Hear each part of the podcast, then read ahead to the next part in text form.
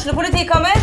Ine Jansen er purk. Er du purk? The motherfucking bitch. Alt jeg vil, er å finne ut hva som skjedde med mannen min. Jon Carew. Er jeg sikta for noe? Iben Akeli. Det er du. Ole So, Lars Berrum og Big Daddy Karsten. Hvem sin side er du på, egentlig? Anette Hoff, Tone Danielsen, Kommer du fra Afrika? Jørnis Josef, Nesten. Kløfta. Trond Espen Seim, Det er synd å si det, men det var feil mann som døde. Purk. Premiere tirsdag på TV2 Play.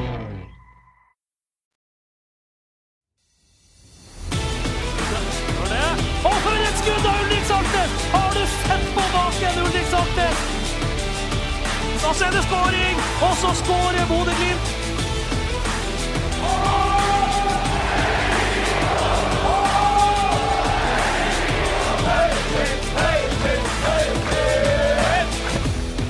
Riktig, riktig god dag, og hjertelig velkommen skal dere være til en ny utgave av Studio Glimt-podden. En eh, spesiell og uh, unik podd, vil jeg si, i så måte. Vi har en eh, æresgjest i dag, får jeg si, med oss, nemlig Ulrik Saltnes. Velkommen. Takk. Har du det bra? Ja, jeg har jo egentlig det. Det var en fin uh, titulering. Jeg lurer på om alle gjester får den uh, tituleringa æresgjest. Ja, jeg vet ikke, Freddy, bruker man det? Det er svært sjelden, altså. Nei, men altså det herlige nå når vi har fått Ulrik Saltnes i studio, så er det første liksom sånn eh, Glimt-spiller som kommer og vi kan stille. Han har jo en lang karriere, så jeg syns Han er debutant, det kunne vi ha sagt, men eh, å starte med Ulrik Saltnes som den første eh, fra Glimt-troppen som kommer inn her i studio, og han er æresgjest, ja da syns jeg vi er i ferd med å starte en god trend. Og ingen skal få samme betegnelse etter hvert som de kommer. Da må de i så tilfelle ha spilt like lenge i klubben sammenhengende. Er den første fra troppen som har vært der? I Studio Glimt-podden, ja. Ja. Ja, vi hadde kanskje Sondre Brunstad Feten, eh, men det var en sånn eh, muligens en liten sånn helt prematurt. Da skjønte vi jo ikke sjøl hva Studio Glimt-podden var. Jeg tror i hvert fall det er sikkert at du må ta et lite oppgjør i garderoben, Ulrik, men vi vil gjerne ha flere spillere. Jeg har dere spurt å få nei? Jeg spør hver eneste uke, Freddy. Wow. Nei, det gjør vi ikke. Det, det har jo uh, vært ganske hektisk eh, for dere. Altså, de, vi har jo hatt eh, korona og covid og pandemi og den slags, og da var det jo naturlig at det ble mindre. Eh, og så eh, var det nå ganske hektisk i eh, 2022 med veldig mange 56 kamper eller noe sånt som ble spilt i løpet av en lang sesong, og da er det jo ikke Ikke sant? Bodø-Glimt-spillerne har vært 14 dager, 14, eller fire uker på treningsleir i Spania, og første spørsmål er hei, kan du komme og være med i podkasten? Ja, det tror jeg fruen på hjemmebane. Eventuelt hvis du har, så blir hun noe sur. Men da er det jo fint å ta en som har vært i Bodø. Vi gleder oss veldig i hvert fall til å høre mer om uh, Ulrik og hans karriere, og ikke minst hva som skjer fremover. Og for et skudd av Ulrik Salte! Har du sett Og til å lose dere gjennom eh, denne podden, så er det undertegna Kjetil Rakenes Anders som er med dere. Um, fin intro her, Ulrik. Eh, Stian, Ja, jeg, eh, første gang jeg hørte introen der, så jeg trodde den var lagd til meg. helt til Amahl til Amal Pellegrino sin navn var nevnt, og skjønte at det her var, det her var fast på, introen. Fortell litt, eh, Ulrik, eh, din situasjon eh, nå. Det har vært en eh, annerledes sesongoppkjøring eh, for deg. Ja, det har vært veldig annerledes. Jeg har eh, operert rett etter eh, sesongslutt. Um, og så, eh, ja, når man uh, gikk videre med det, så innså man at man måtte ta en ny person. Så da har jeg tatt en ny person i uh, forrige uke, blir det vel? Nå er jeg litt usikker. Nei, kanskje uka for deg, igjen. Uansett, så eh, mer eller mindre har jeg vært alene for meg sjøl på Aspmyra i tre måneder nå. Så det, det har vært en annerledes oppkjøring. Hva er det som er operert, og, og hva er det du har slitt med? Nei, jeg har vel slitt med litt sånn generell generelle hofte- slash lysk-smerter på høyresida i veldig lang tid. Kanskje ja, sju-åtte år siden jeg kjente de første symptomene. Um, så det var vel en del gammel moro som uh, var på tide å ta tak i, tror jeg. Uh, og det har blitt uh, tatt tak i først da med kikkhullsoperasjon i hofte... Ja, egentlig hoftebeinet, altså femorhodet, for dem som har peiling på det, som har blitt retta ut litt og gjort litt rundt og fint igjen, så det glir godt inn i koppen sin, som det ikke har gjort tidligere. Og så ja, visste seg at det ikke var nok, så da har jeg vært inne og lagt inn noen eh, forsterkninger inne på lyskeveggen på begge sider nå, da. Eh, eh, og ja, så vil det vise om det, er nok, da. Hvor store inngrep er det her? Kikhulloperasjon, sier du, men hva Ja. gjør det at du er på en måte Kan du, kan du gå eller løpe, eller hvor mye kan du egentlig trene? Nei, altså Den første operasjonen var ganske stor. Um, og egentlig så har opptreninga etter den gått veldig bra. Vært helt, egentlig helt utrolig bra. Sett uh, fantastisk ut. Men så måtte jo den andre her òg, da. Og det er jo i utgangspunktet ikke noe problem, for det er en veldig grei operasjon. Liten operasjon, standardoperasjon. Tippa det den vanligste eh, fotballspillere har. I garderoben vår så har vi noen som har tatt alle Altså, sånn der type operasjon, det er sikkert en fem, seks, sju stykker som har gjort. Så ja, det er veldig vanlig å gjøre, da. Og kjapp eh, rekovalens fra. Så um, det er vel egentlig ikke noe uh, stress, da. Men så er det jo en kropp oppi det her da, som skal funke uh, med alle um, justeringer. Så det er jo ikke matematikk. Så selv om alt ser veldig bra ut på papiret, så har jeg slurta å, å, ha for mye mål og tanker og sånn. Jeg bare prøver mitt beste, og så får vi se hvordan det blir. Du har vel i et intervju med Freddy tidligere tror jeg, eh, sagt litt om hva du forventer eh, når du er tilbake. og du Freddy spurte vel om han er tilbake før sommeren, og da fikk du vel noe svar sånn ja, ja, ja. Ja, altså, kanskje litt forventninger. Da, da, du har rett. Jeg har, har forventninger om å være tilbake før sommeren. Men eh, samtidig så har jeg bestemt meg for å være tålmodig òg, fordi eh, jeg tror det er langsiktig investering i, i karrieren min. da, og eh, jeg tror jeg har lytta lite til kroppen lenge, og da er det kanskje på tide å ta en liten pust i bakken eh, nå. Fortell mer om det. Hvorfor lytter man ikke mer til kroppen?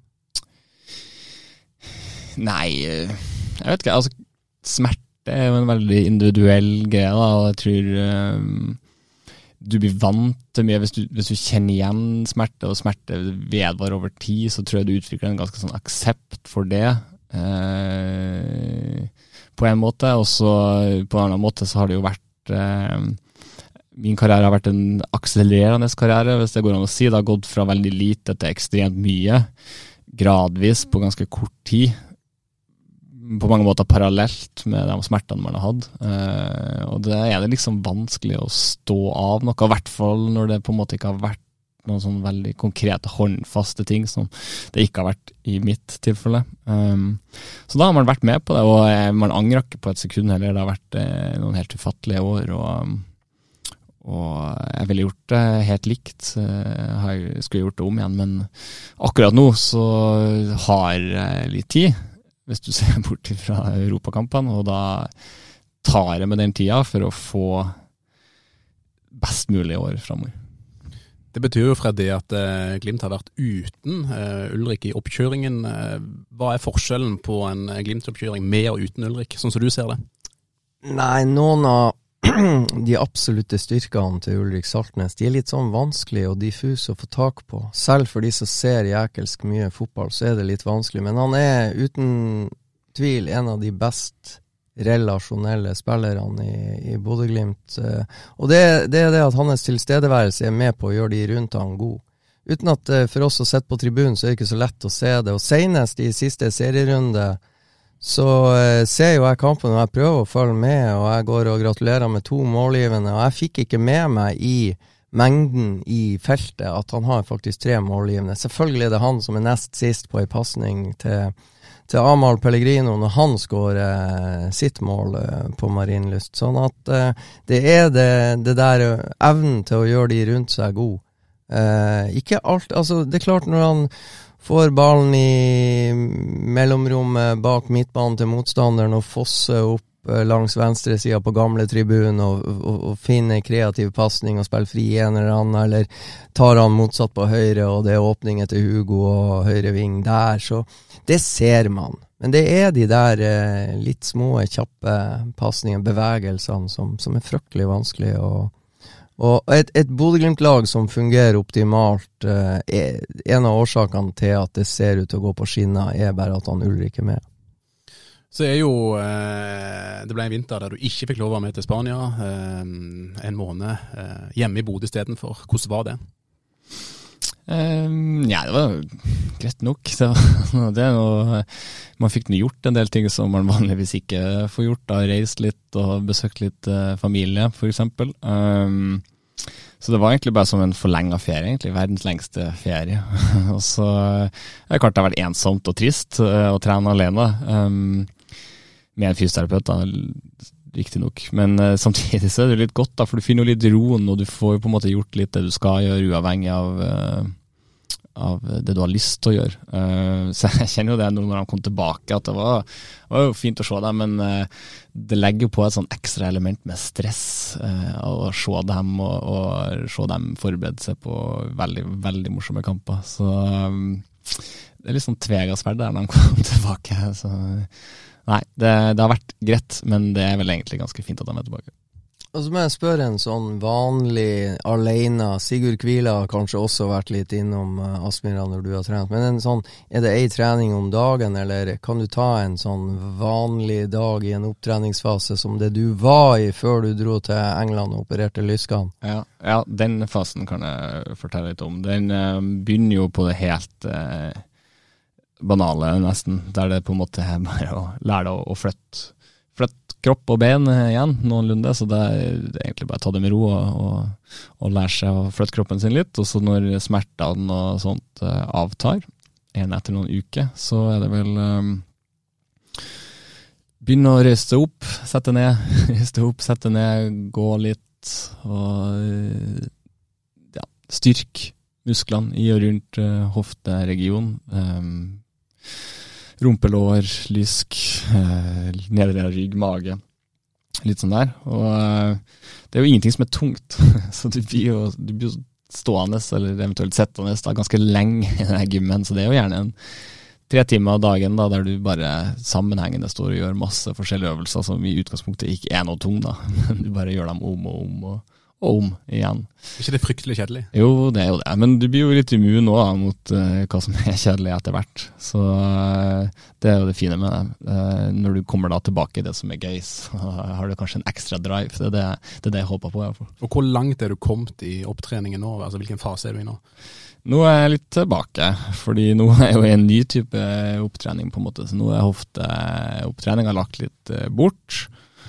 Og ja, den Jeg er ikke på det nivået jeg var der, så den ligger liksom litt borte. Og nå er jeg der at det, det er da ni dager siden jeg har operert, og da jeg har jeg gjerne en time, halvannen, med bare ren mobilitetstrening. Igjen, få i gang kroppen, få i gang bevegelsene. Få rørt litt i harrevevet. Um, og så er det litt bevegelser, gåing eller sykling etterpå.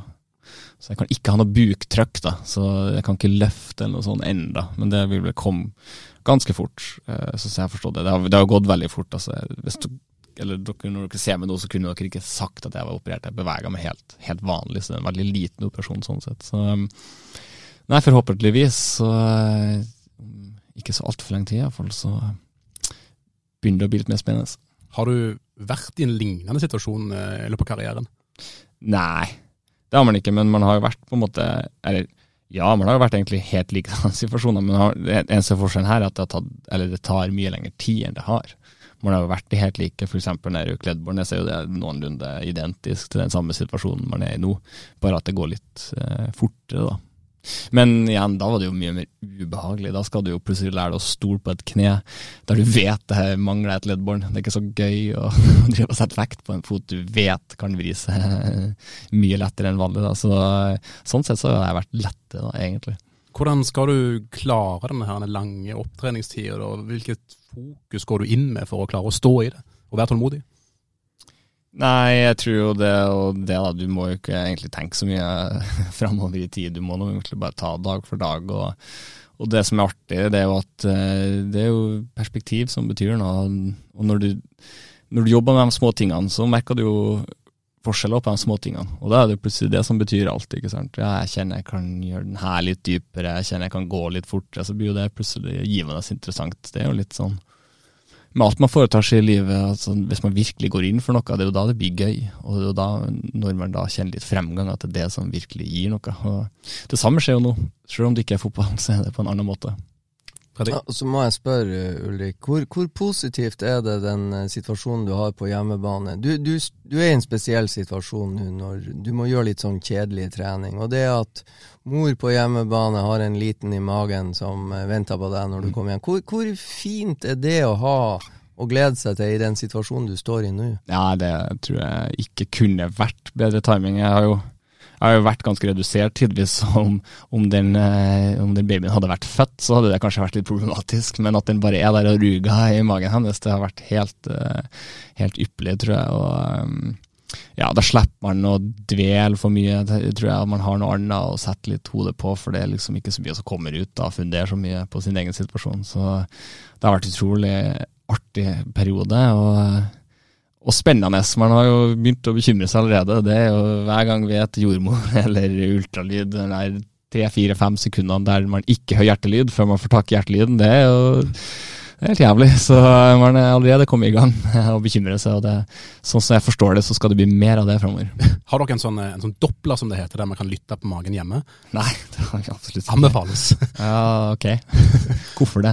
Ja, kan, Hvis du er usikker, hvis du ikke har kjent bevegelsen en dag f.eks., ja. så kan du begynne å høre har du hjertelyd i dag, og da kan du bli beroliget. Aktuellen er jo at du kan bli fryktelig stressa hvis du ikke finner den hjertelyden. Ja, mitt råd, drit i det, Ulrik. ja, og gå hjem og kjenn på magen og se. Og det, og, og det artige er jo eh, hva hun er, seks måneder på vei? Ja, jeg sjekka jo på appen nå. Jeg tror ja. hun går inn i uke 20 skal jeg ikke si feil, så skal jeg åpne appen. Det er iallfall første dag i tredje semester, og da er det uke 28.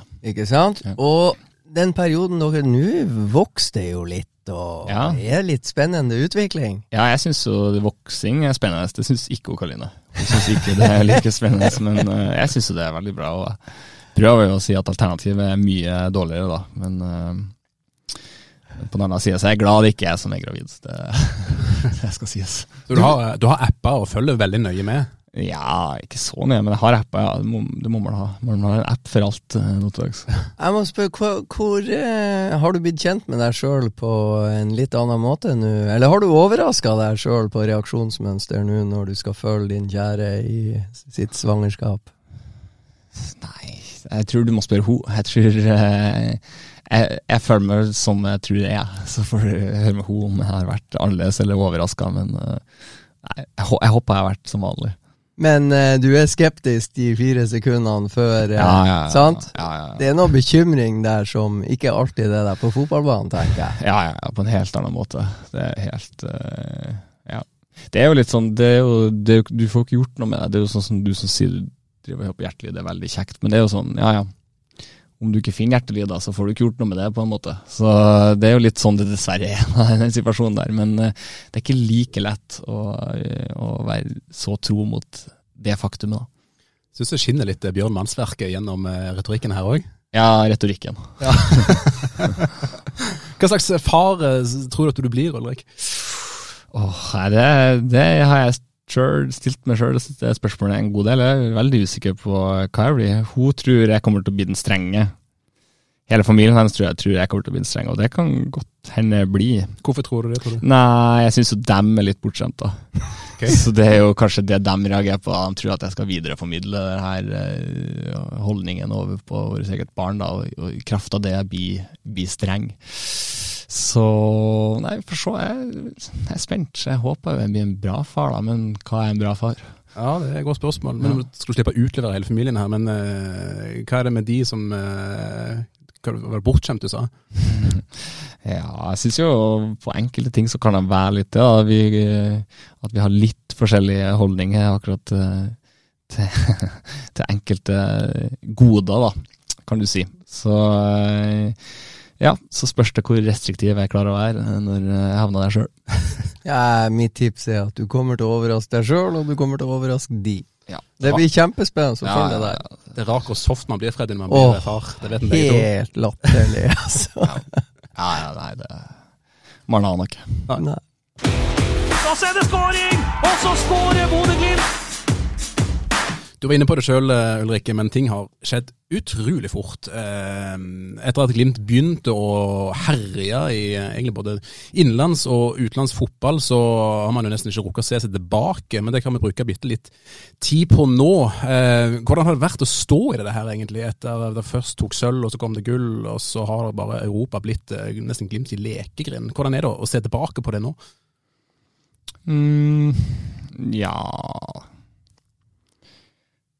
det er liksom ehm, Ja, se tilbake. Du ser liksom ikke tilbake, det er vel det som er svaret. Og i hvert fall ikke nå når du er aktiv og i det, sånn som jeg. Så gjør du ikke det. Men det er jo klart, hvis man begynner å mimre tilbake til, til enkeltsesonger eller enkeltøyeblikk, så er det ganske rart hvis du begynner å se det i sammenheng med andre, andre altså vanlig Glimt-kontekst. da. Så det er ganske rart. Men samtidig så føles det veldig naturlig ut, og det er det som er så rart. ikke sant, med at du Syris eh, på hjemmebane, f.eks., så føles det veldig naturlig ut at dem skal man slå. Dem skal man bare være bedre enn. Selv om de har spillere som tjener mye, mye mer enn oss, og, alt er bare mye mer enn oss, så føles det allikevel veldig naturlig ut at nei, så klart skal vi slå dem, og hvis vi ikke gjør det, så blir vi skuffa. Så det er liksom eh, Alt blir normalt, da. Det er perspektivet det handler om der, og det tror jeg nok mange som er glad i Orient òg har merka, eller kanskje ikke merka, men kanskje vi rundt har merka, at det er mye som har blitt normalt for dem òg. Det er liksom ikke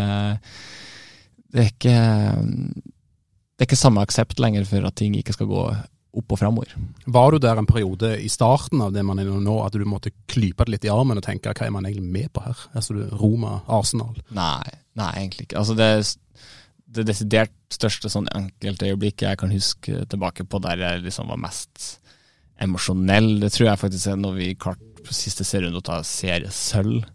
For det Da husker jeg tenke sånn Herregud, liksom, det skal man ikke oppleve i Glimt. Og det er veldig spesielt å være med på. Det er liksom helt unikt å være med på. Ja.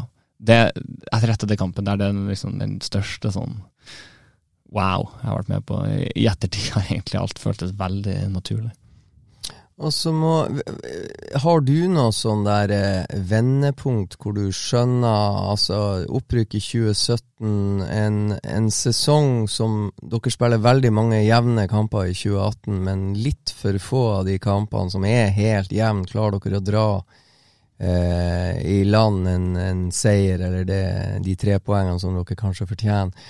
Har du noe sånn der vendepunkt som du kan peke på at nå skjønner dere at dere har virkelig noe bra på, spennende på gang, som du ikke har vært og smakt på før? Nei, altså Man kan jo si at eh, sånn i ettertid så kan man jo si at i 2019, i starten, der man begynner å spille treningskamper, så skjønner man jo at det kan bli bra, fordi at vi knuser jo alle vi spiller mot i Norge, i. Um, men det er ikke sant, det er så når jeg tenker tilbake på hvordan det føltes der og da, så føles det ut som nå skal vi møte Lillestrøm, ok, ja, dem bør vi slå. Ja, vi slår dem fint. Og så spiller vi en ny kamp, og dem vil vi slå, og så slår dem. Fantastisk. Og så setter du deg ikke ned og tenker sånn her hm, Hvis vi slår alle, så betyr jo det at vi kommer til å ende sånn og sånn og sånn. Og hvis vi gjør det, så betyr det det og det. Man, Iallfall ikke jeg, da. Gjorde aldri det. Det ble bare en veldig naturlig greie at eh, vi kan spille sånn her mot hvem som helst, og vi bør slå dem. Ja, da slår vi dem, og så så prøver vi så godt vi kan, og så ser man. Det, det, er rart med det, men det er sånn det faktisk oppleves. Er det litt lett å glemme òg, Freddy? Altså, den suksessen som Glimt har, at det er nesten blir som en normal? Ja, det er faktisk det, og det er litt Man må faktisk eh, tilbake til 2018 og, og dvele litt over det, for man skal ikke ta noe for gitt. og eh, Sølv i 2022 eh, mot et Molde-lag som eh, fyra på alle sylindere, var ganske bra. Har en del gode fotballspillere, også de. De gjør en del bra ting, ingen tvil. Så det er klart, det å klare å ta sølv, det er sterkt. Det må ikke bli noen nedtur. Vi må liksom ikke bli for sånn der blasert, for å si det pent. Og for meg så var det ganske sånn sterkt. Jeg skal tilbake til Estepona. og jeg husker jeg landa på flyplassen i Malaga, og da den store snakkisen i Marbella det året, det var Brann som hadde rundspilt Rosenborg og vunnet, eh, mens eh, Glimt-spillerne satt på flyet på tur nedover. More or less. Så den store snakkisen der, det var Brann som var så mye bedre enn Rosenborg. Og eh, jeg husker ikke hvor mye de vant, men det var, det var den store snakkisen. Og så skulle Bodø-Glimt møte Brann i sin andre kamp under det oppholdet der, og det var ganske mye pressefolk som hadde møtt opp for å se Brann. Og jeg vil påstå Bodø-Glimt leka ganske heftig med det brannlaget som kort tid før hadde herja med Rosenborg. Og jeg tror Glimt vant 2-0. Geir André Herrem skåra tidlig, to-tre minutter, på en eh, corner eller en dødball som ble svingt inn, og Herrem skåra. Og den gleden over i Glimt-troppen over at det var nettopp Geir André Herrem som hadde slitt med skader og sånn, det var noe sånn der eh, lagmoral og samhold. For det, det var ikke bare det at det var veldig mange i helgult som ble glad på vegne av Geir André, og så skåra Patrick på straffe, og jeg tror det ble 2-0. og av alle ting, Victor Boniface ryker korsbåndet i den samme kampen. Men det var noe som var så massivt og solid over Bodø-Glimt i den treningskampen, som på en måte Det ble et referansepunkt for det som skulle skje videre hele sesongen. Husker du sjøl det her, Ulrik? Ja, jeg husker jo kampen når den sida. Så husker jeg at uh, det var noen fra akademiet, tror jeg, som, et lag derfra som var så på. Blant dem var uh, Tor Micaelsen, hva heter stemmer? Tor Micaelsen. Tor Micaelsen som skrev på Facebook, eh, tror jeg, som ble plukka opp av mediene, at han tror Glimt kommer til å vinne seriegull eller et eller annet sånt. Ja. som var den første som jeg så som ytra det, og da husker jeg jeg tenkte det er litt sånn Ja, det var en sånn veldig Facebook-ting å skrive. Men uh, han uh, lever sist, da. For han uh, traff jo spikeren på hodet. Han gjorde det. Ja. Det gjorde han absolutt. Og det ble jo en starten på en periode der egentlig uh, hele norske folk la sin elsk på Glimt. Iallfall veldig mange. Iallfall tvert som det begynte å, å, gjøre det godt i Europa òg. Eh, men når det har gjort det godt over så lang tid, da, så har jo kanskje noens påstand Glimt gått fra å være et lag som eh, veldig mange elsker, og til nå bli et lag som mange elsker å hate. Eh, hvordan syns du sjøl at dere har takla det og stått i det? Nei, jeg vet ikke. Altså Det, det har nå vært eh, det, det, merkes jo, og det påvirkes jo, helt sikkert. Og man har ikke hatt noen sånn inngående evaluering om hvordan man har stått i det. Jeg tror helt sikkert vi kunne stått i det bedre, for det er jo noe vi har kjent på, noe som har prega oss. Eh, hva har dere merka, og hvordan har dere merka det? Nei, Man har merka det. For det første er det mye kritikk. Det er jo Man orker ikke å lese opp, men man ser jo eh, på en måte hvordan retning ting går i. Um, og så merker man det på motstanderstadioner, eh, der vi blir klappa av stadion på Celtic Park. Så er det ikke akkurat den samme mottakelsen man får i Norge. Um, og uh, man merker det på motstander òg. Det er liksom ikke noe uh, poeng lenger i hvordan du spiller mot Glimt. Det handler bare om å ødelegge mest mulig, da, i størst mulig grad. Uh, og hvis du klarer å gjøre en, noen fra Glimt til en slags uh, moralsk syndebukk oppi det hele, så har du virkelig truffet. Og da er det jo lett å havne i en litt sånn her offerrolle, da, hvis du er i vår situasjon og synes litt synd i seg sjøl og synes det er vanskelig å stå i, og det har vi jo gjort. så det har vært skal ikke si utfordrende, men det har vært en ekstra utfordring iallfall. Uh, alle elsker jo en underdog, ikke sant? men det er jo ingen som elsker noen som bruker x antall millioner på å kjøpe folk når andre ikke har råd, og som durer på med sitt eget opplegg uansett. Og, ja. Det er jo liksom Det er bare litt sånn det er. Det er jo ikke det folk syns er sympatisk og søtt.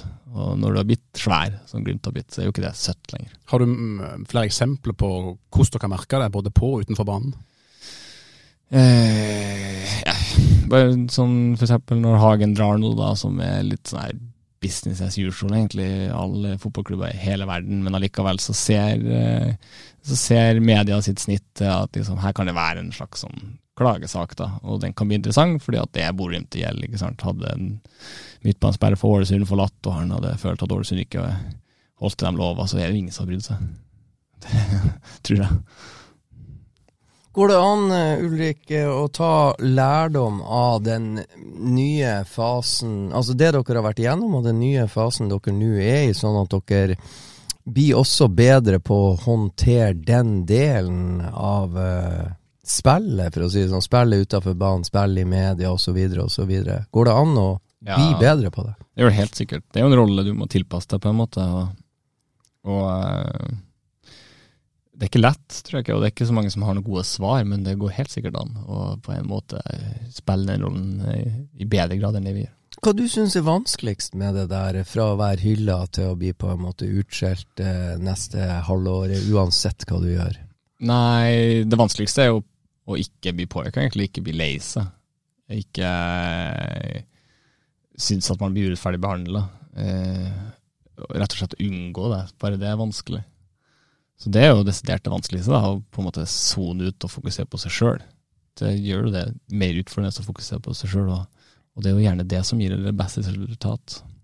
Men sånn eh, Kjetil som sitter her i studio, han har jo en litt ekkel dialekt hvis jeg drar oss til, til Stavanger stadion i, ja. i, i, fjor, og du sjøl kommer i, i medias søkelys og sånn. Hva, hva, er det som skjer i den kampen som gjør at det blir som det blir? Det blir jo hett, da. ikke sant? Det blir jo veldig hett. Og de eh, skaper jo en veldig sånn heit stemning, vil jeg påstå. Og og så tror jeg vi føler på en slags sånn maktesløshet på et vis, at de på en måte nesten ikke forholder seg til de reglene som er, og vi opplever ikke at vi blir beskytta av dem som kan beskytte oss. Og så tror jeg òg vi opplever litt at vi ikke har, iallfall ikke hadde helt verktøyene til å stå imot det.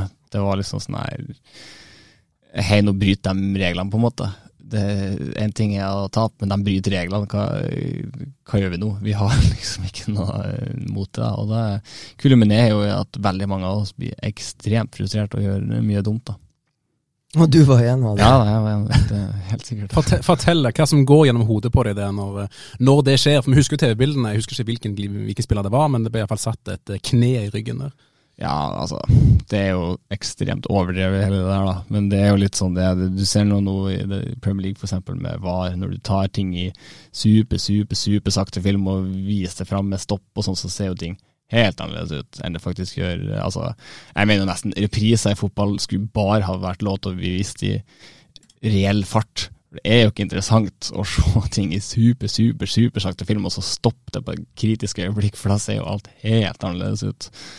Så eh, ja, det blir jo blåst opp uh, noe helt uh, vanvittig, da. men uh, Hvordan var det å stå i det der og da? Hvordan opplevde du det?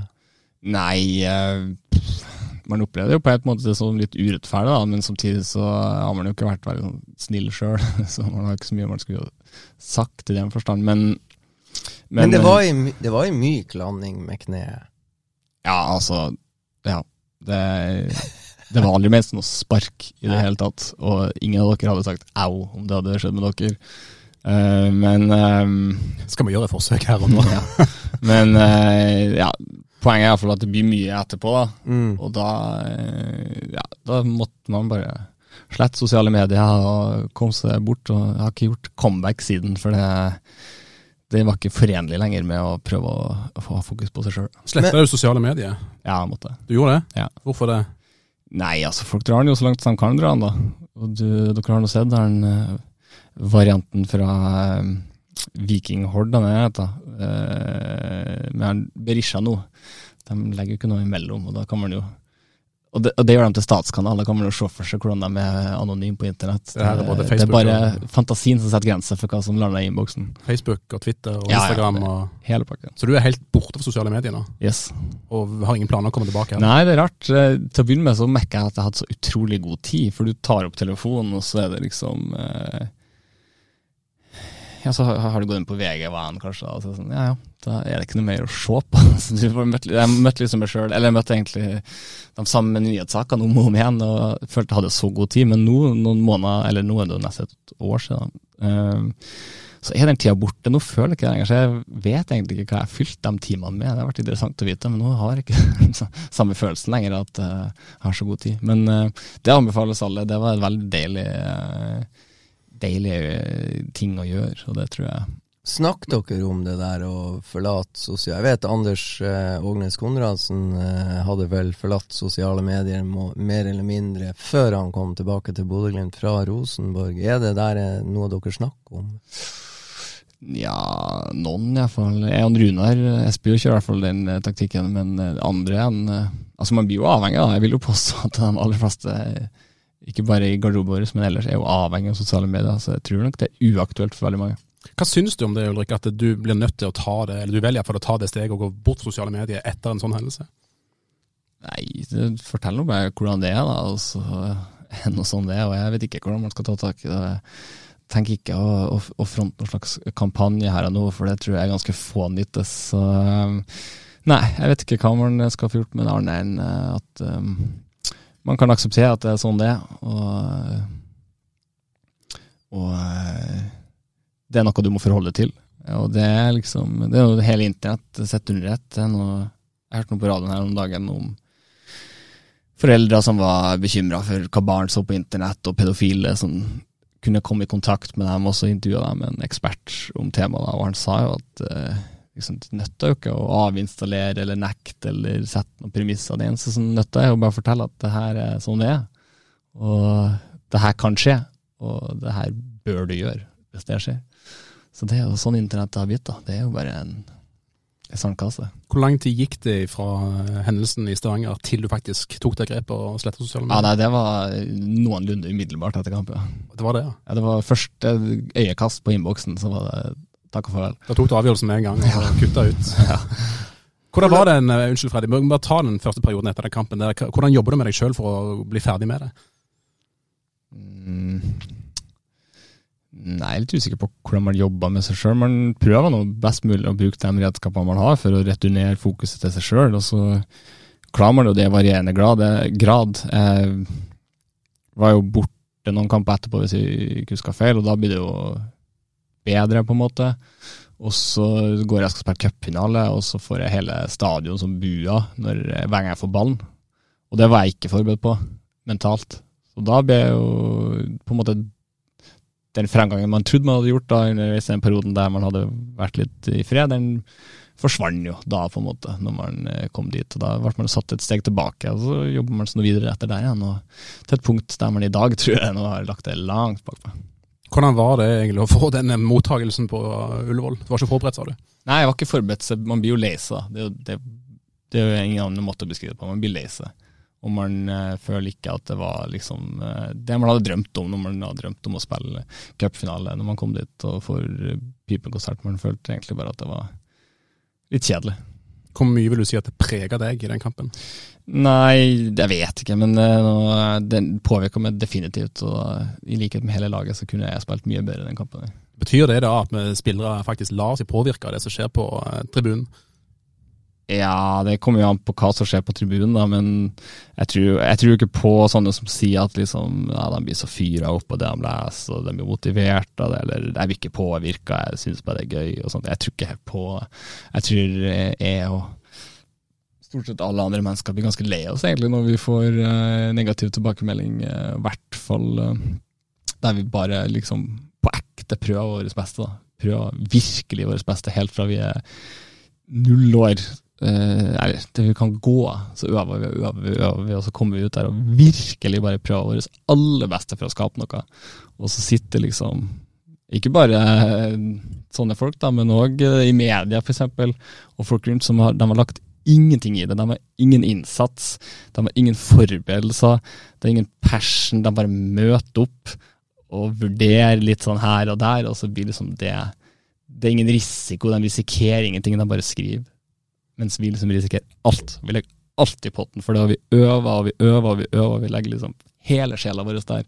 Og så blir det liksom bare liksom summert opp litt. Så der er noen som bare tilfeldigvis har lyst til å uttrykke seg. Ødelegger det litt gleden med å spille fotball òg?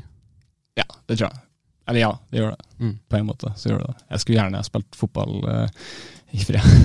Men likevel så stiller du opp i poden vår, og Det er jo veldig hyggelig. ja, ja, jeg, jeg lever ikke på ei øy. Tenker du det, Freddy, når du sitter og setter børs, eller du skriver en kommentar, eller sitter her i studio, tenker du på at det er jo, det er jo mennesker òg som eh, er på banen? Jeg prøver å tenke på det, og jeg prøver å forberede meg, men jeg kan trøste Ulrik med at uh, vi, vi begynner å få uh, meldinger, vi uh, som vurderer også, som, eh, og vi har ikke peiling, og det er det ene med det andre. Men kanskje ikke i de samme ordelagene som det du fikk etter eh, kampen mot Viking i Stavanger. Det, det tror jeg ikke. Men eh, folk melder ifra. Tydelig, klart og tydelig, og det må vi bare stå i. Absolutt.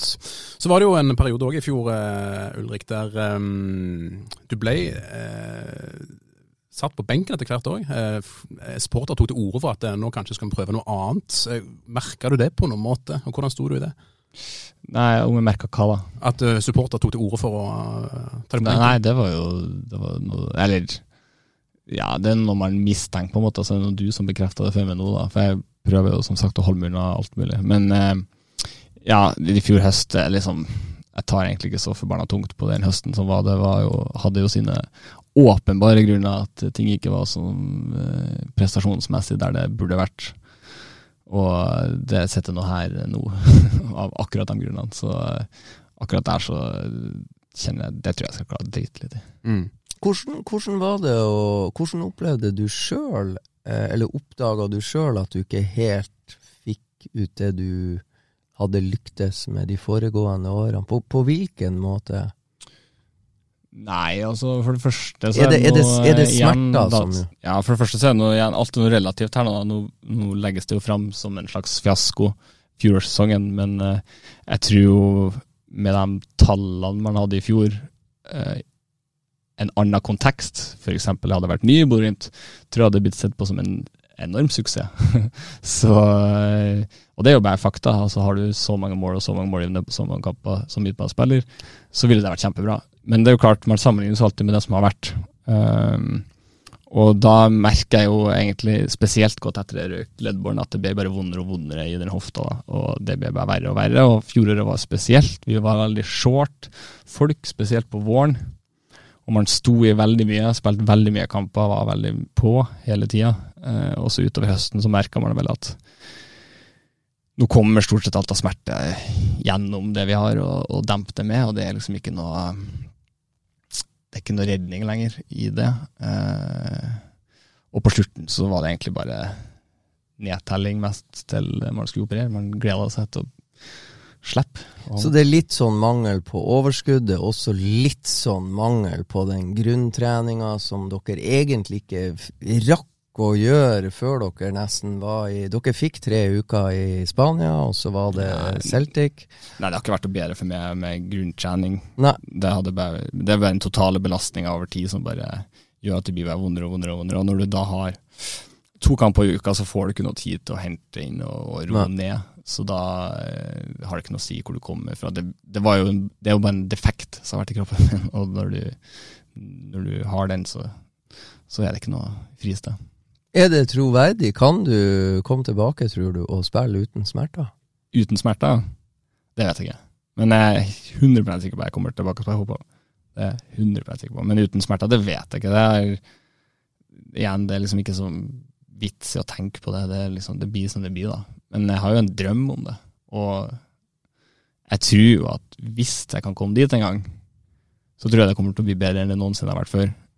Ehm, og det er jo ting som tyder på at jeg kan komme dit. Herregud. Du har fått med deg veldig mye. Fire år sammenhengende suksess med din klubb, Bodø-Glimt, eh, Ja. som, som har tatt steg som man i 2017 trodde var helt umulig. Altså, det var jo eh, Altså, jeg, jeg, jeg, jeg visste på en periode at Tromsø hadde mer enn 50 og 60 kamper i Europacupen, og Bodø-Glimt hadde 30 eller noe sånt. Så var det én sesong så tok dere nesten dem igjen og gikk forbi, og det hadde aldri jeg forestilt meg. Men eh, Sulten videre, hva, slags, hva du drømmer om eller planlegger å oppleve med Bodø-Glimt fremover? Hvordan er begjæret ditt for å de neste årene? Du har jo lang kontrakt. Ja, nei um, Man får jo utrolig drive av å være på utsida sånn som man er nå. Det er jo det positive med å på en måte være helt utfor som man er nå. Man får en voldsom drive for å på en måte komme tilbake, og, og, og man ser jo virkelig hva man går glipp av. Så jeg har jo Jeg vil jo påstå at passionen min har aldri vært større enn den er akkurat nå.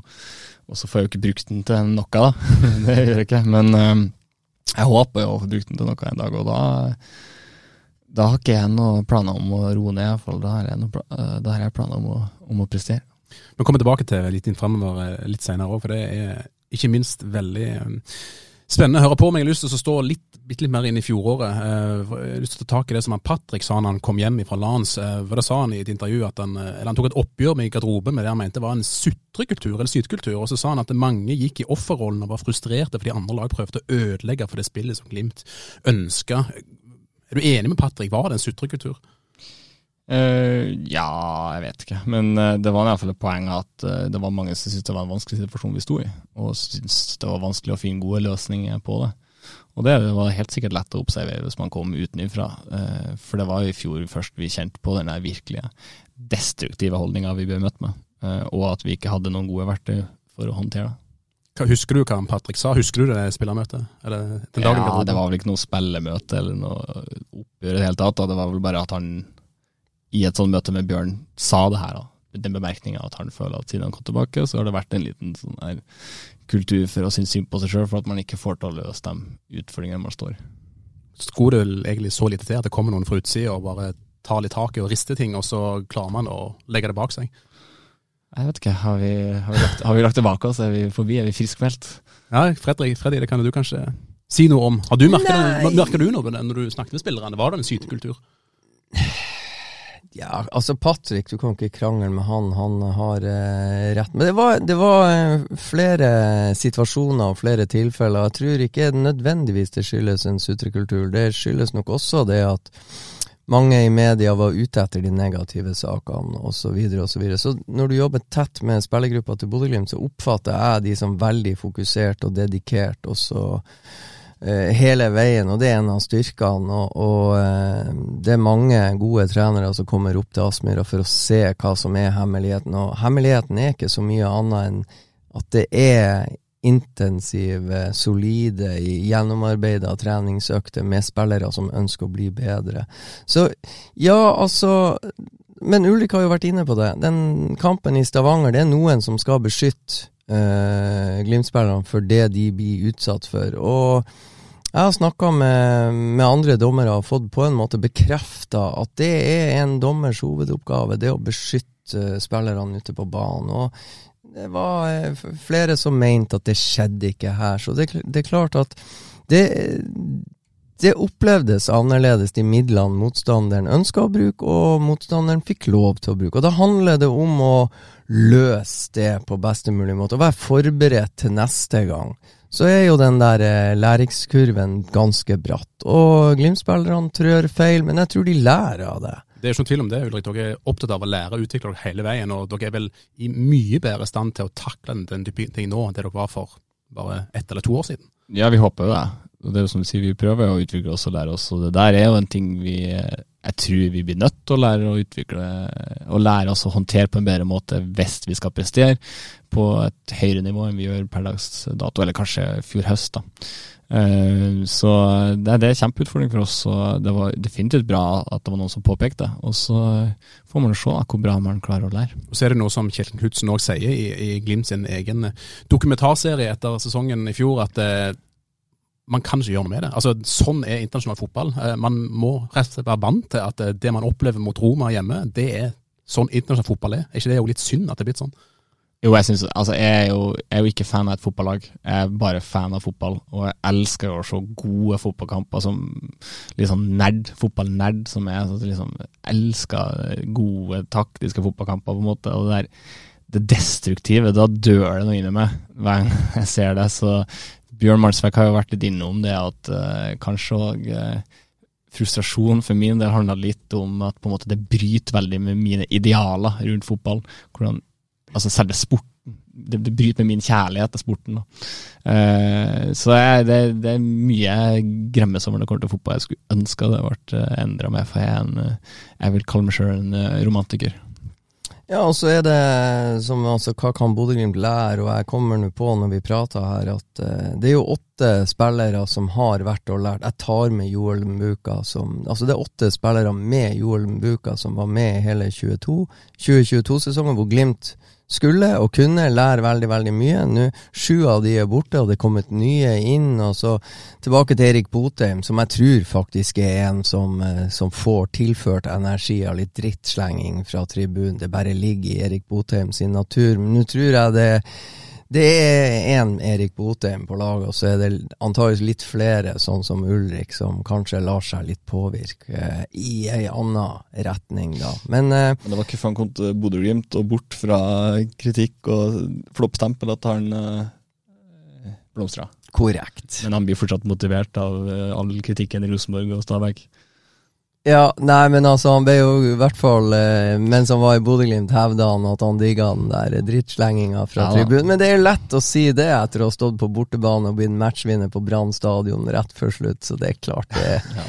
Det, er kult når du er ung og lovende og kommer fra Kringsjå og endelig har slått ut i full blomst. Så, men det er mange nye som skal inn og lære akkurat det her som Ulrik og enkelte andre i Bodø-Glimt har fått uh, smakt på, Eh, og da blir det interessant å se for eh, Bodø-Glimt har jo på en måte solgt eh, 21 spillere utenlands bare siden 2019-sesongen, så det er mye utskiftning, og så er det da noen som er igjen og må lære opp den nye generasjonen Glimt-helter.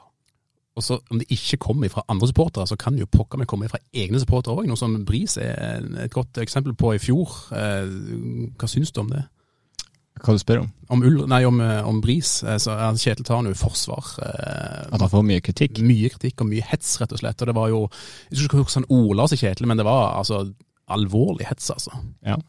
Nei, det er jo, det er jo tilbake til sånn som jeg snakket om tidligere. Det er jo, det er jo trasig, men det er jo sånn det er.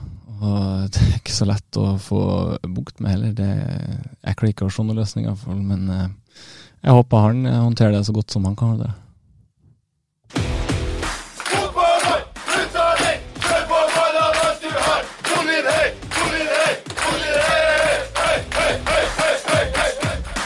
Ble mye eh, sorg og gammen her, så vi må heller ta noe positivt og litt hyggelig. Og det er jo det som forhåpentligvis skal skje i 2023. Eh, Ulrik, eh, hvordan spår du, spår du 2023 for Glimt sin del, først og fremst? Nei, det jeg aner ikke. Altså, vi er ikke i spåbransjen. Vi, vi, er dag for dag, vi. Og vi er prestasjon. Og jeg tror forutsetningen for gode prestasjoner i 2023 aldri har vært bedre i Borund enn det har vært nå. Uh, men det er fullt mulig å drite seg ut. Hvorfor har det aldri vært bedre forutsetninger nå? Nei, det er jo bare matematisk, egentlig. Det er mange gode spillere der. Det er mange spillere som har jobba godt over tid.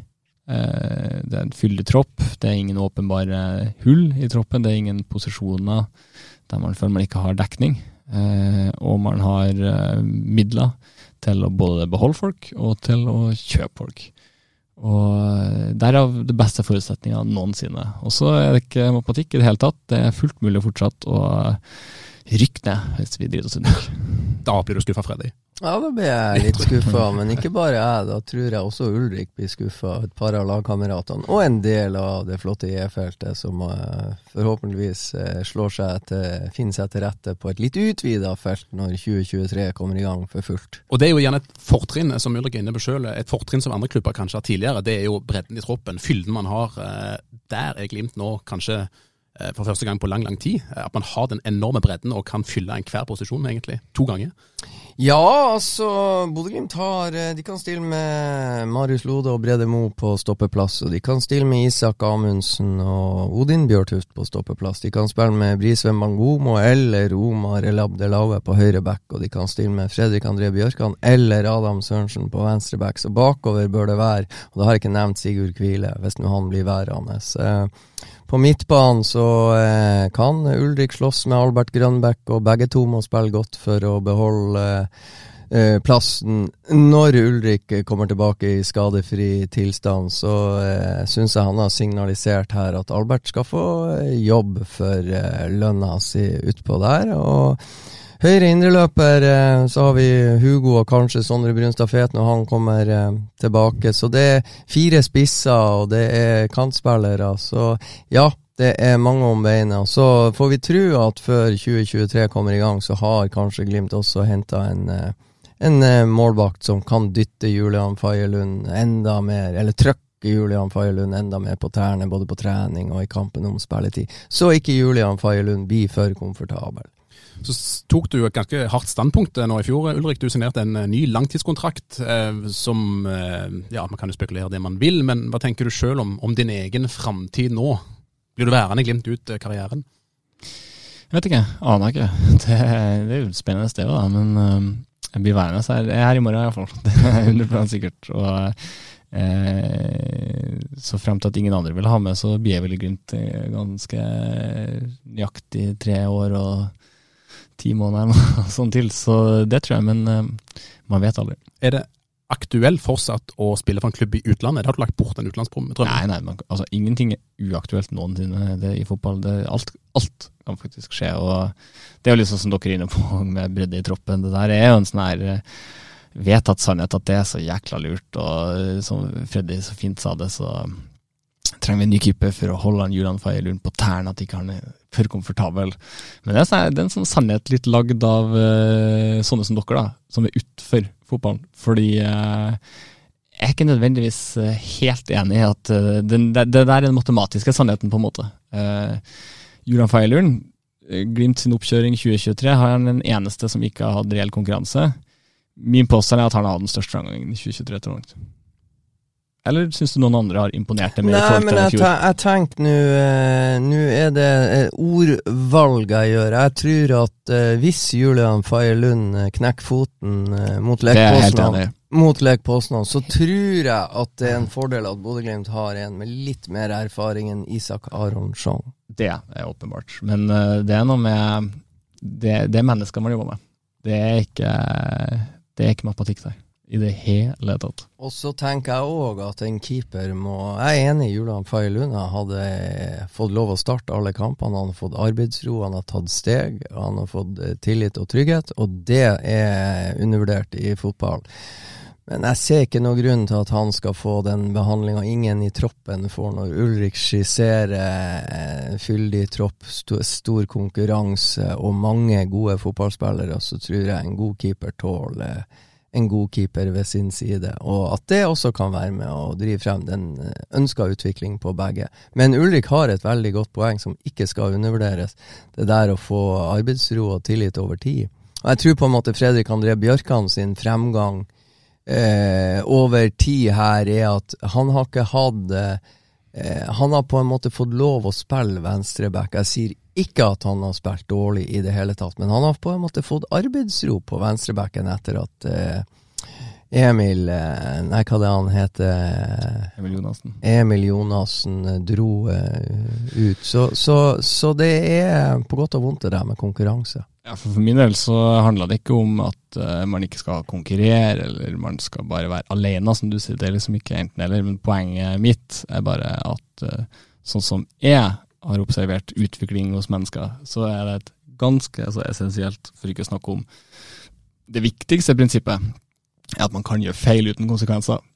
Og det er jo faren med høy konkurransesituasjon. Det er jo at iallfall at man opplever at man ikke kan gjøre feil uten konsekvenser lenger. Det er direkte skadelig for utvikling. Spennende, men nå må jeg spørre et spørsmål. Du har jo en trener du har et godt forhold til over mange år, og, og Kjetil Knutsen. Jeg registrerer at han sier at han skal rullere mer på laget. Vi ønsker å spille 60 kamper, vi skal rullere mer på laget. Tror du på han? Nei. Uh, iallfall ikke den, det formatet kanskje dere og andre ser for seg, da.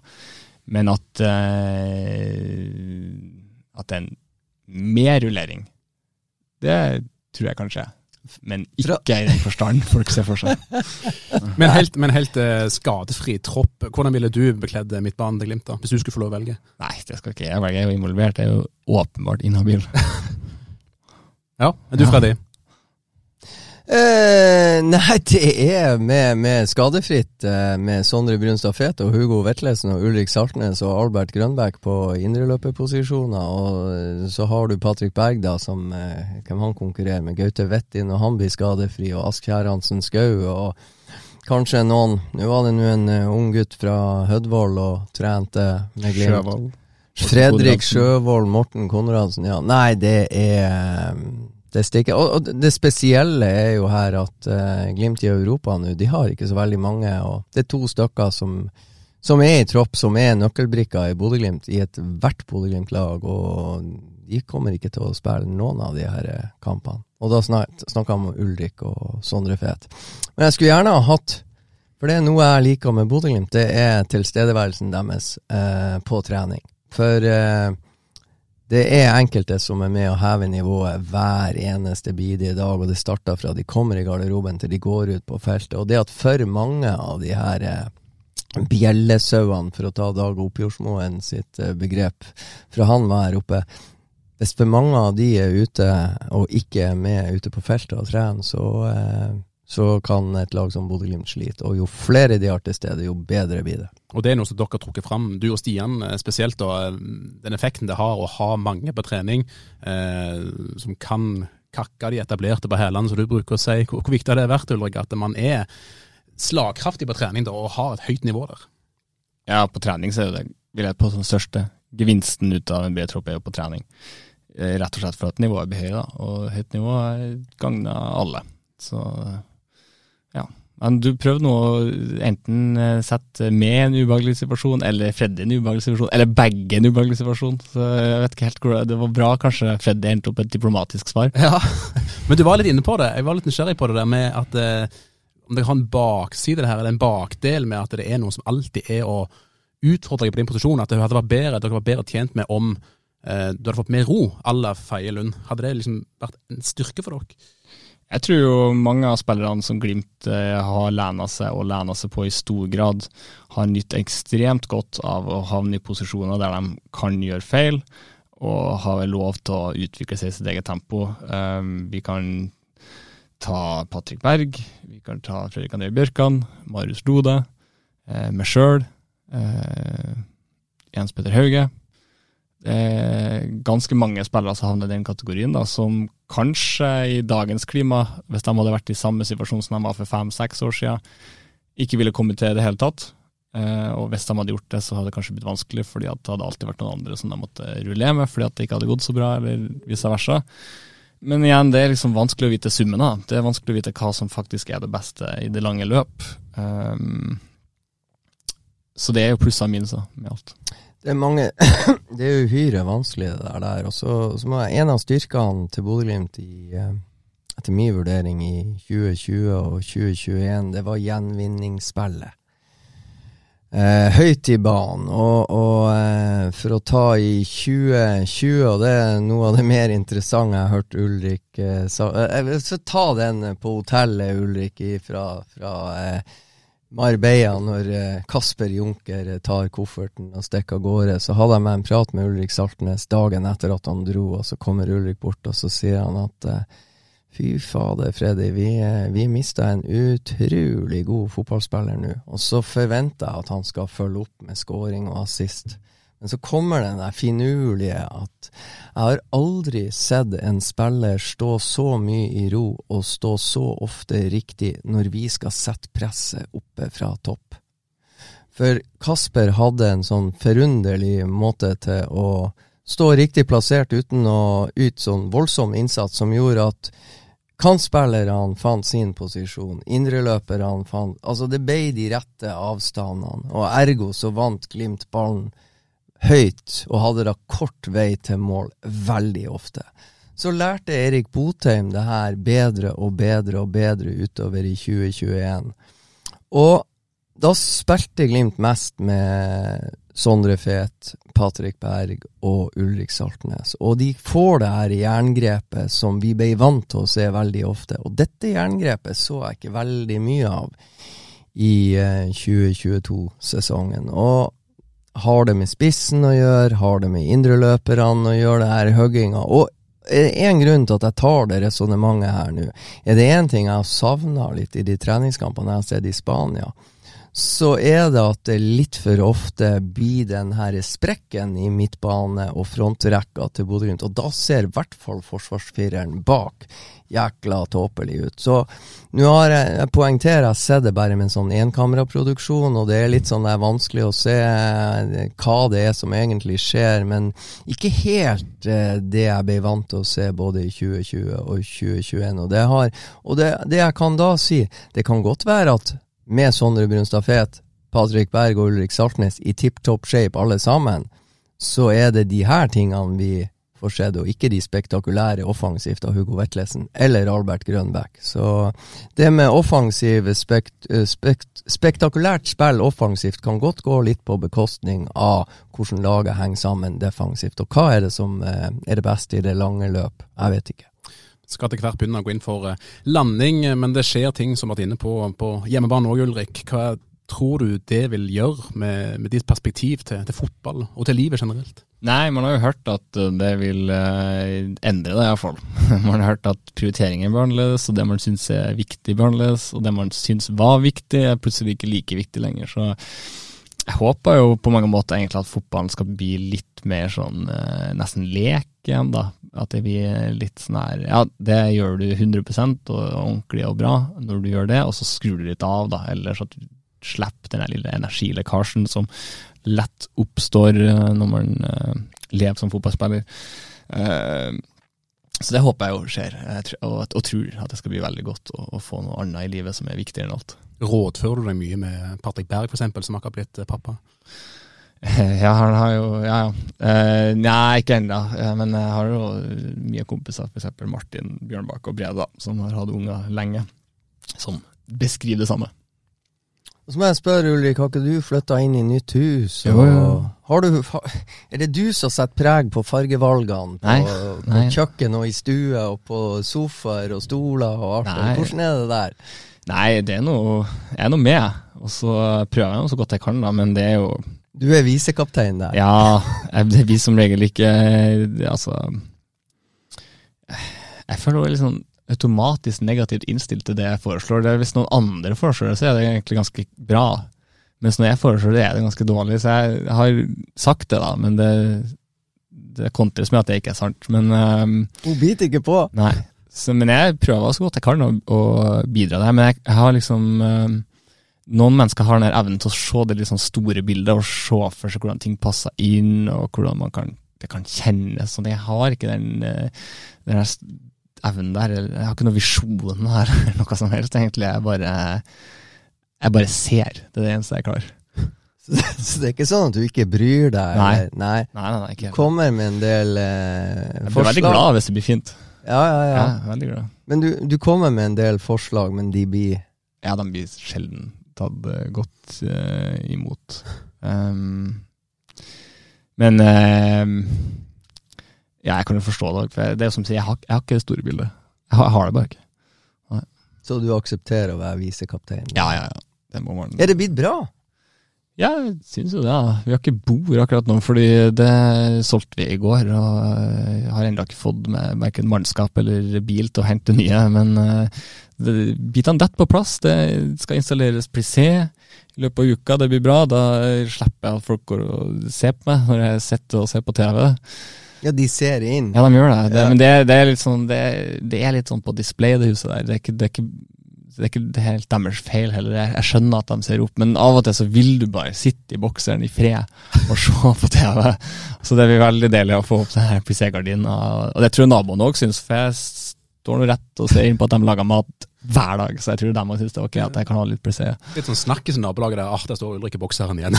Nei, jeg gjør ikke det, det er det som er poenget. Jeg står jo og svetter i bukse og lider. Jeg har lyst til å være i bokseren.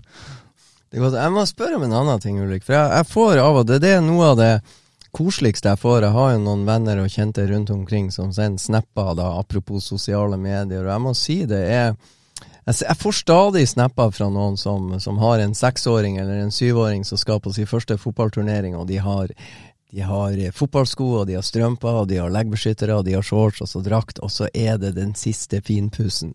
Ulrik Sartnes, eh, pannebåndet, ikke, ikke ei fotballturnering uten. Hvordan er det å, å ha en sånn der heltestatus som eh, dere har? Jeg regner med dere har fått smakt litt på det etter at pandemien roa seg. Mm, ja. Det har man jo. Det er jo det, det er hyggelig og slitsomt. Det er veldig hyggelig når det er hyggelig, og så kan det bli slitsomt eh, andre ganger uten at man nødvendigvis eh, Skal ikke si at man alltid merker det, men det er jo Det, det fins jo ganger man eh, bare har lyst til å Hva skal jeg si gjøre sitt, og så dra hjem igjen uten å på en måte eh, må representere noe mer enn det, da. Det er, jo, det er jo klart, det. Men stort sett så er folk ekstremt hyggelige, og det er jo Og det er veldig, som nordlending spesielt, det er veldig spesielt og, og liksom stort, egentlig, de gangene man klarer å tenke over at man faktisk er med og representerer noe som er såpass mye større enn det sjøl, og som er så stort både for nordlendinger, men ikke minst eh, identiteten til nordlendinger, som Glimt faktisk er. Og eh, ja, det er veldig artig når man får sånne øyeblikk der man kan tenke litt på det. Eksempel når jeg var så Halvdan Sivertsen-filmen på kino her om dagen, og han er jo den beste formidleren vi har her i Norge. Og når han begynner å formidle litt eh, det med Glimt og nordnorsk og Bodø og det der, da Det er artig. Det er veldig givende. Men dere blir jo, dere er jo på en måte rockestjerner, så det, det er ikke bare å forlate eh, garderoben på Aspmyra og reise. Altså I 2017 kunne dere reise hjem etter kamp i fred og ro, men eh, det blir stadig flere som står utafor eh, stadion og venter på dere. Ja, det, Hvordan er det? det er jo rart, da. Du føler jo at uh, dem, at på en måte du tenker at her må du her må det være noe feil. Det er liksom, du- det er feil person her. Det, det er bare meg. Men eh, du prøver nå å gi tilbake det du kan eh, gi tilbake, da. Og så eh, føler du det jo ikke akkurat som noen rockestjerne, men du føler i hvert fall at det du gjør, betyr litt for folk, og det det betyr utrolig mye. Det er en utrolig fin drive, egentlig. Det, det er en slags mening.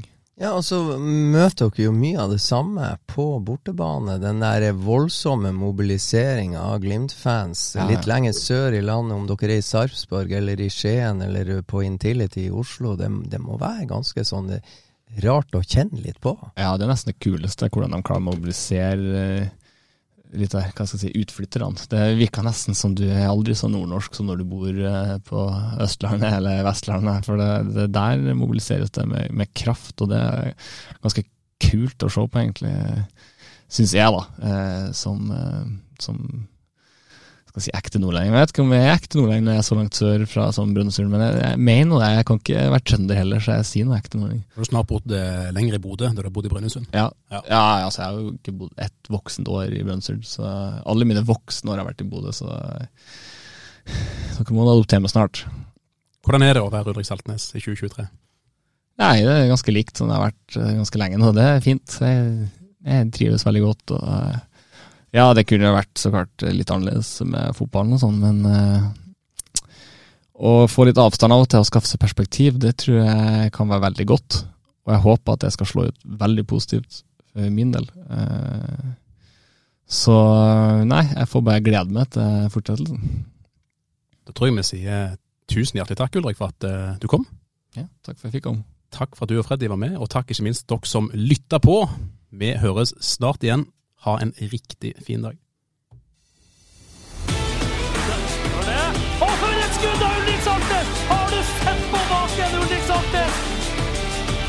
Og? Så er det skåring, og så skårer Bodø-Glimt.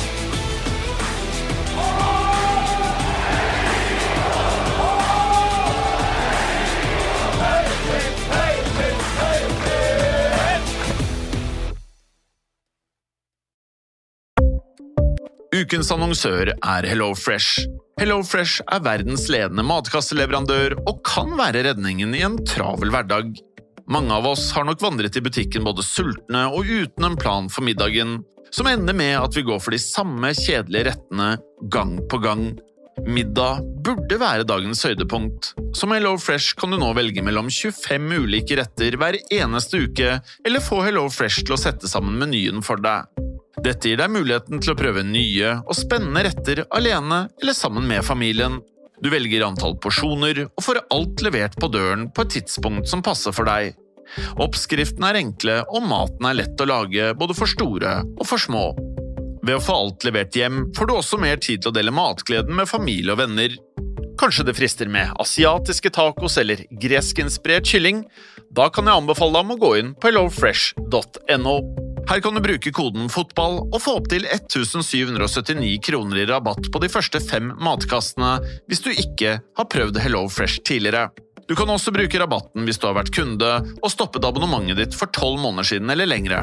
Gå inn på hellofresh.no og bruk koden FOTBALL. Har du et enkeltpersonforetak eller en liten bedrift? Da er du sikkert lei av å høre meg snakke om hvor enkelt det er med kvitteringer og bilag i fiken, så vi eh, gir oss her, vi. Fordi vi liker enkelt. Fiken superenkelt regnskap.